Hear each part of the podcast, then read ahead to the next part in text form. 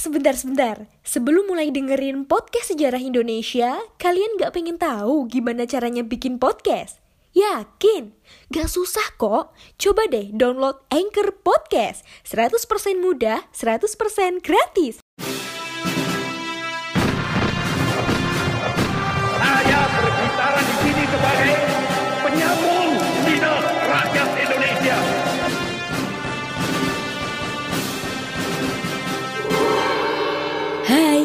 Kalian sedang mendengarkan Poseidon, podcast sejarah Indonesia. Ngomongin masa lalu dengan gaya masa kini.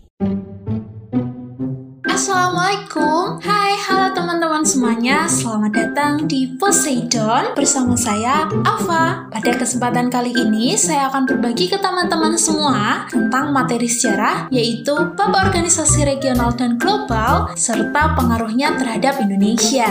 Yuk langsung aja disimak di dalam bab ini, kita akan mempelajari dua jenis organisasi regional dan global, yaitu organisasi militer dan organisasi ekonomi. Kita bahas organisasi militer dulu ya teman-teman.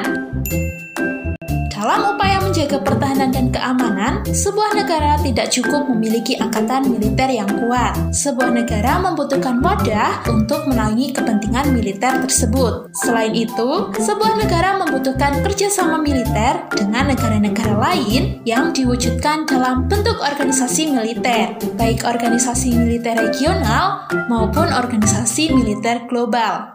Keberadaan organisasi tersebut turut mempengaruhi perkembangan suatu negara di berbagai aspek kehidupan. Nah, di sini saya akan mencontohkan tiga organisasi militer regional dan global. Yang pertama, North Atlantic Treaty Organization atau NATO. Pada masa Perang Dingin, Amerika Serikat khawatir dengan ambisi ekspansi Uni Soviet yang dianggap ingin menguasai Eropa Timur. Sementara itu, negara-negara Eropa khawatir akan terjadi perang nuklir antara Amerika Serikat dan Uni Soviet. Kekhawatiran tersebut mendorong terbentuknya sebuah fakta pertahanan. Pada 4 April 1949, para menteri luar negeri Amerika Serikat, Perancis, Belanda, Belgia, Luxembourg, Kanada, Italia, Portugal, Islandia, Denmark, dan Norwegia menandatangani perjanjian pembentukan sebuah fakta pertahanan. Fakta pertahanan tersebut diberi nama North Atlantic Treaty Organization atau NATO. Tujuan utama NATO sendiri adalah melindungi anggotanya dari ancaman Uni Soviet. Ketika Uni Soviet runtuh dan Perang Dingin berakhir pada tahun 1991, NATO menjadi satu-satunya badan pertahanan dan keamanan militer yang masih berdiri. Yang kedua, Southeast Asia Treaty Organization atau SEATO. Jika pada masa Perang Dingin Amerika Serikat dan negara-negara Eropa membentuk NATO, negara-negara di Asia Tenggara pun turut membentuk fakta pertahanan bernama SEATO. Berdasarkan perjanjian Manila di Filipina pada 8 September 1954, lahirlah Southeast Asia Treaty Organization atau SEATO. Deklarasi Fakta Pertahanan Asia Tenggara tersebut ditandatangani oleh perwakilan dari beberapa negara, seperti Amerika Serikat, Inggris, Australia, Pakistan, Perancis, Thailand, Selandia Baru, dan Filipina. Anggota dari lembaga ini sepakat memberikan bantuan militer kepada negara anggota lainnya yang diserang oleh pihak luar. SEATO dibentuk sebagai aliansi militer Amerika Serikat yang bertujuan membantu perlawanan terhadap ekspansi komunis di Asia Tenggara, khususnya membendung pengaruh Tiongkok dan Vietnam Utara ke Vietnam Selatan. Pada perkembangannya, SEATO tidak berhasil mencapai sasaran karena sebagian anggotanya bukan negara-negara Asia Tenggara. SEATO juga menjadi alat bagi negara bersaing dalam Perang Dingin. Keberadaan SEATO melemah karena semakin kehilangan kredibilitasnya. SEATO dibubarkan pada 30 Juni 1977 karena terjadi perubahan besar di Asia Tenggara, khususnya kekalahan Amerika Serikat dalam Perang Vietnam. Yang ketiga, Fakta Warsawa. Pada 14 Mei 1955, Uni Soviet dan negara-negara blok timur menandatangani pembentukan suatu fakta pertahanan di Warsawa, Polandia. Fakta pertahanan tersebut dikenal dengan Fakta Warsawa. Terbentuknya Pakta Warsawa digagas oleh Nikita Khrushchev yang dilatar belakangi oleh peristiwa integrasi Jerman Barat dalam NATO melalui ratifikasi persetujuan Paris. Pakta Warsawa dibentuk dengan tujuan mengimbangi keberadaan NATO dan mengorganisasikan diri terhadap kemungkinan ancaman NATO. Adapun anggota Pakta Warsawa terdiri atas tujuh negara, yaitu Uni Soviet, Bulgaria, Romania, Jerman Timur, Hungaria, Polandia, dan Cekoslowakia. Anggota Pakta Warsawa sepakat membela salah satu anggota jika diserang lawan dan tidak ikut campur tangan dalam urusan internal anggotanya. Pada tahun 1980, Pakta Warsawa dilanda masalah terkait perlambatan ekonomi di semua negara Eropa Timur. Pada akhir tahun 1980-an, perubahan politik di sebagian negara anggota menyebabkan Pakta Warsawa berjalan tidak efektif. Pada September 1990, Jerman Timur meninggalkan Pakta Warsawa dalam persiapan untuk reunifikasi dengan Jerman Barat. Pada Oktober 1990, Cekoslowakia, Hungaria, dan Polandia telah menarik diri dari semua latihan militer di Pakta Warsawa. Selanjutnya, pada 31 Maret 1991, Pakta Warsawa dibubarkan secara resmi dalam pertemuan di kota Praha. Nah, keberadaan organisasi-organisasi militer tadi mempengaruhi sikap politik Indonesia. Menghadapi munculnya berbagai organisasi tersebut, Indonesia memilih menerapkan sikap politik bebas aktif yaitu dengan cara tidak bergabung dengan organisasi militer mana pun. Indonesia justru mempelopori terbentuknya Gerakan Non-Blok atau GNB. Berdasarkan keanggotaannya, Indonesia tidak tergabung dengan organisasi militer mana pun. Akan tetapi, Indonesia tetap mendukung tujuan baik setiap organisasi militer regional dan global dalam mewujudkan perdamaian dunia. Misalnya, Indonesia mendukung tujuan SEATO menjaga agar paham komunis tidak berkuasa di Indonesia. Indonesia juga mendukung tujuan Pakta Warsawa agar tidak terpengaruh oleh paham kapital. Bukti dukungan tersebut diwujudkan dengan bersikap netral terhadap blok barat maupun blok timur.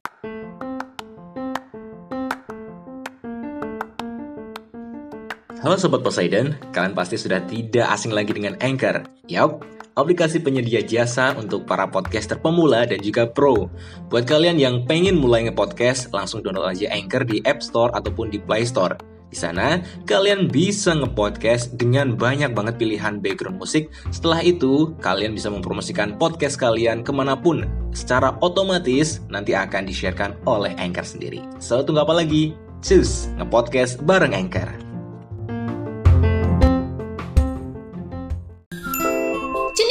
Organisasi regional dan global yang kedua adalah organisasi ekonomi. Organisasi ekonomi, regional dan global dibentuk sebagai wujud kerjasama antar negara. Organisasi ekonomi regional menaungi kepentingan ekonomi negara-negara di kawasan yang sama, sedangkan organisasi ekonomi global menaungi kepentingan negara-negara di dunia yang tidak terbatas di kawasan tertentu. Di sini saya akan mencontohkan dua organisasi ekonomi regional dan global. Yang pertama, Organization of the Petroleum Exporting Countries atau OPEC. Pada 14 September 1960, Venezuela memprakarsai berdirinya Organization of the Petroleum Exporting Countries atau OPEC di Baghdad, Irak. Venezuela menggandeng Iran, Gabon, Libya, Kuwait, dan Arab Saudi.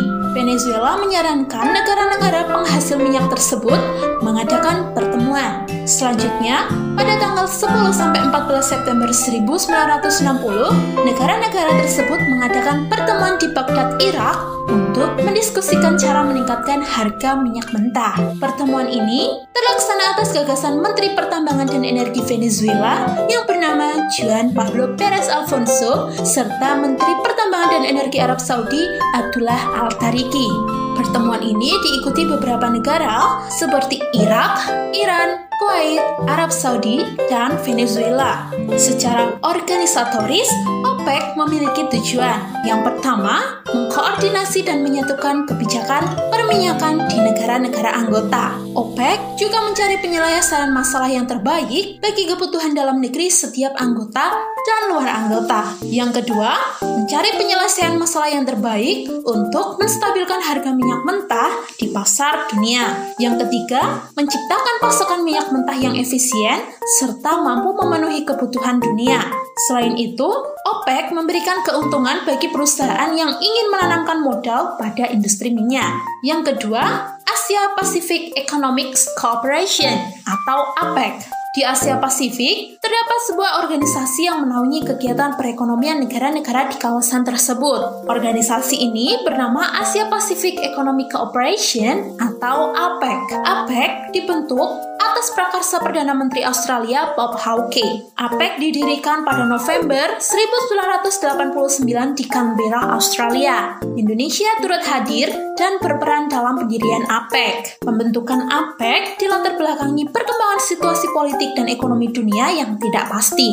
Oleh karena itu, negara-negara di Asia Pasifik merasa perlu ada forum non-formal untuk membicarakan liberalisasi perdagangan dan investasi. Secara khusus, pembentukan APEC didorong oleh faktor-faktor yang pertama, bayangan kegagalan Uruguay Round yang dikhawatirkan akan meningkatkan proteksionisme. Yang kedua, munculnya kelompok-kelompok perdagangan seperti NAFTA dan AFTA. Yang ketiga, perubahan politik dan ekonomi di Rusia dan Eropa Timur. Yang keempat, adanya pemikiran bahwa kemajuan perekonomian suatu negara dapat tercapai jika didorong oleh pasar ke arah integrasi ekonomi baik regional maupun internasional.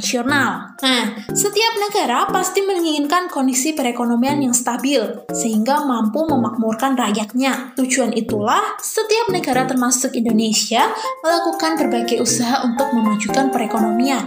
Salah satu caranya bergabung dengan organisasi ekonomi regional dan global. Ketika Indonesia bergabung dengan OPEC pada tahun 1961 sampai 2008, Indonesia berkedudukan sebagai negara importir. Sebagai anggota OPEC sekaligus negara importir, manfaat yang diperoleh adalah terjaminnya pasokan minyak untuk Indonesia. Akan tetapi, pada 2008, Indonesia membukukan diri dari keanggotaan OPEC karena syarat anggota OPEC adalah menjadi negara eksportir, bukan importir seperti kedudukan Indonesia pada saat itu. Pengaruh yang dirasakan Indonesia selama tergabung dalam OPEC adalah dapat berinteraksi dengan negara anggota lainnya sehingga Indonesia dapat menarik negara-negara tersebut berinvestasi di Indonesia. Selain itu, Indonesia dapat dengan mudah mencari informasi naik turunnya harga minyak dunia. Banyaknya manfaat yang diperoleh saat bergabung dengan OPEC mendorong Indonesia kembali menjadi anggota OPEC pada awal tahun 2016.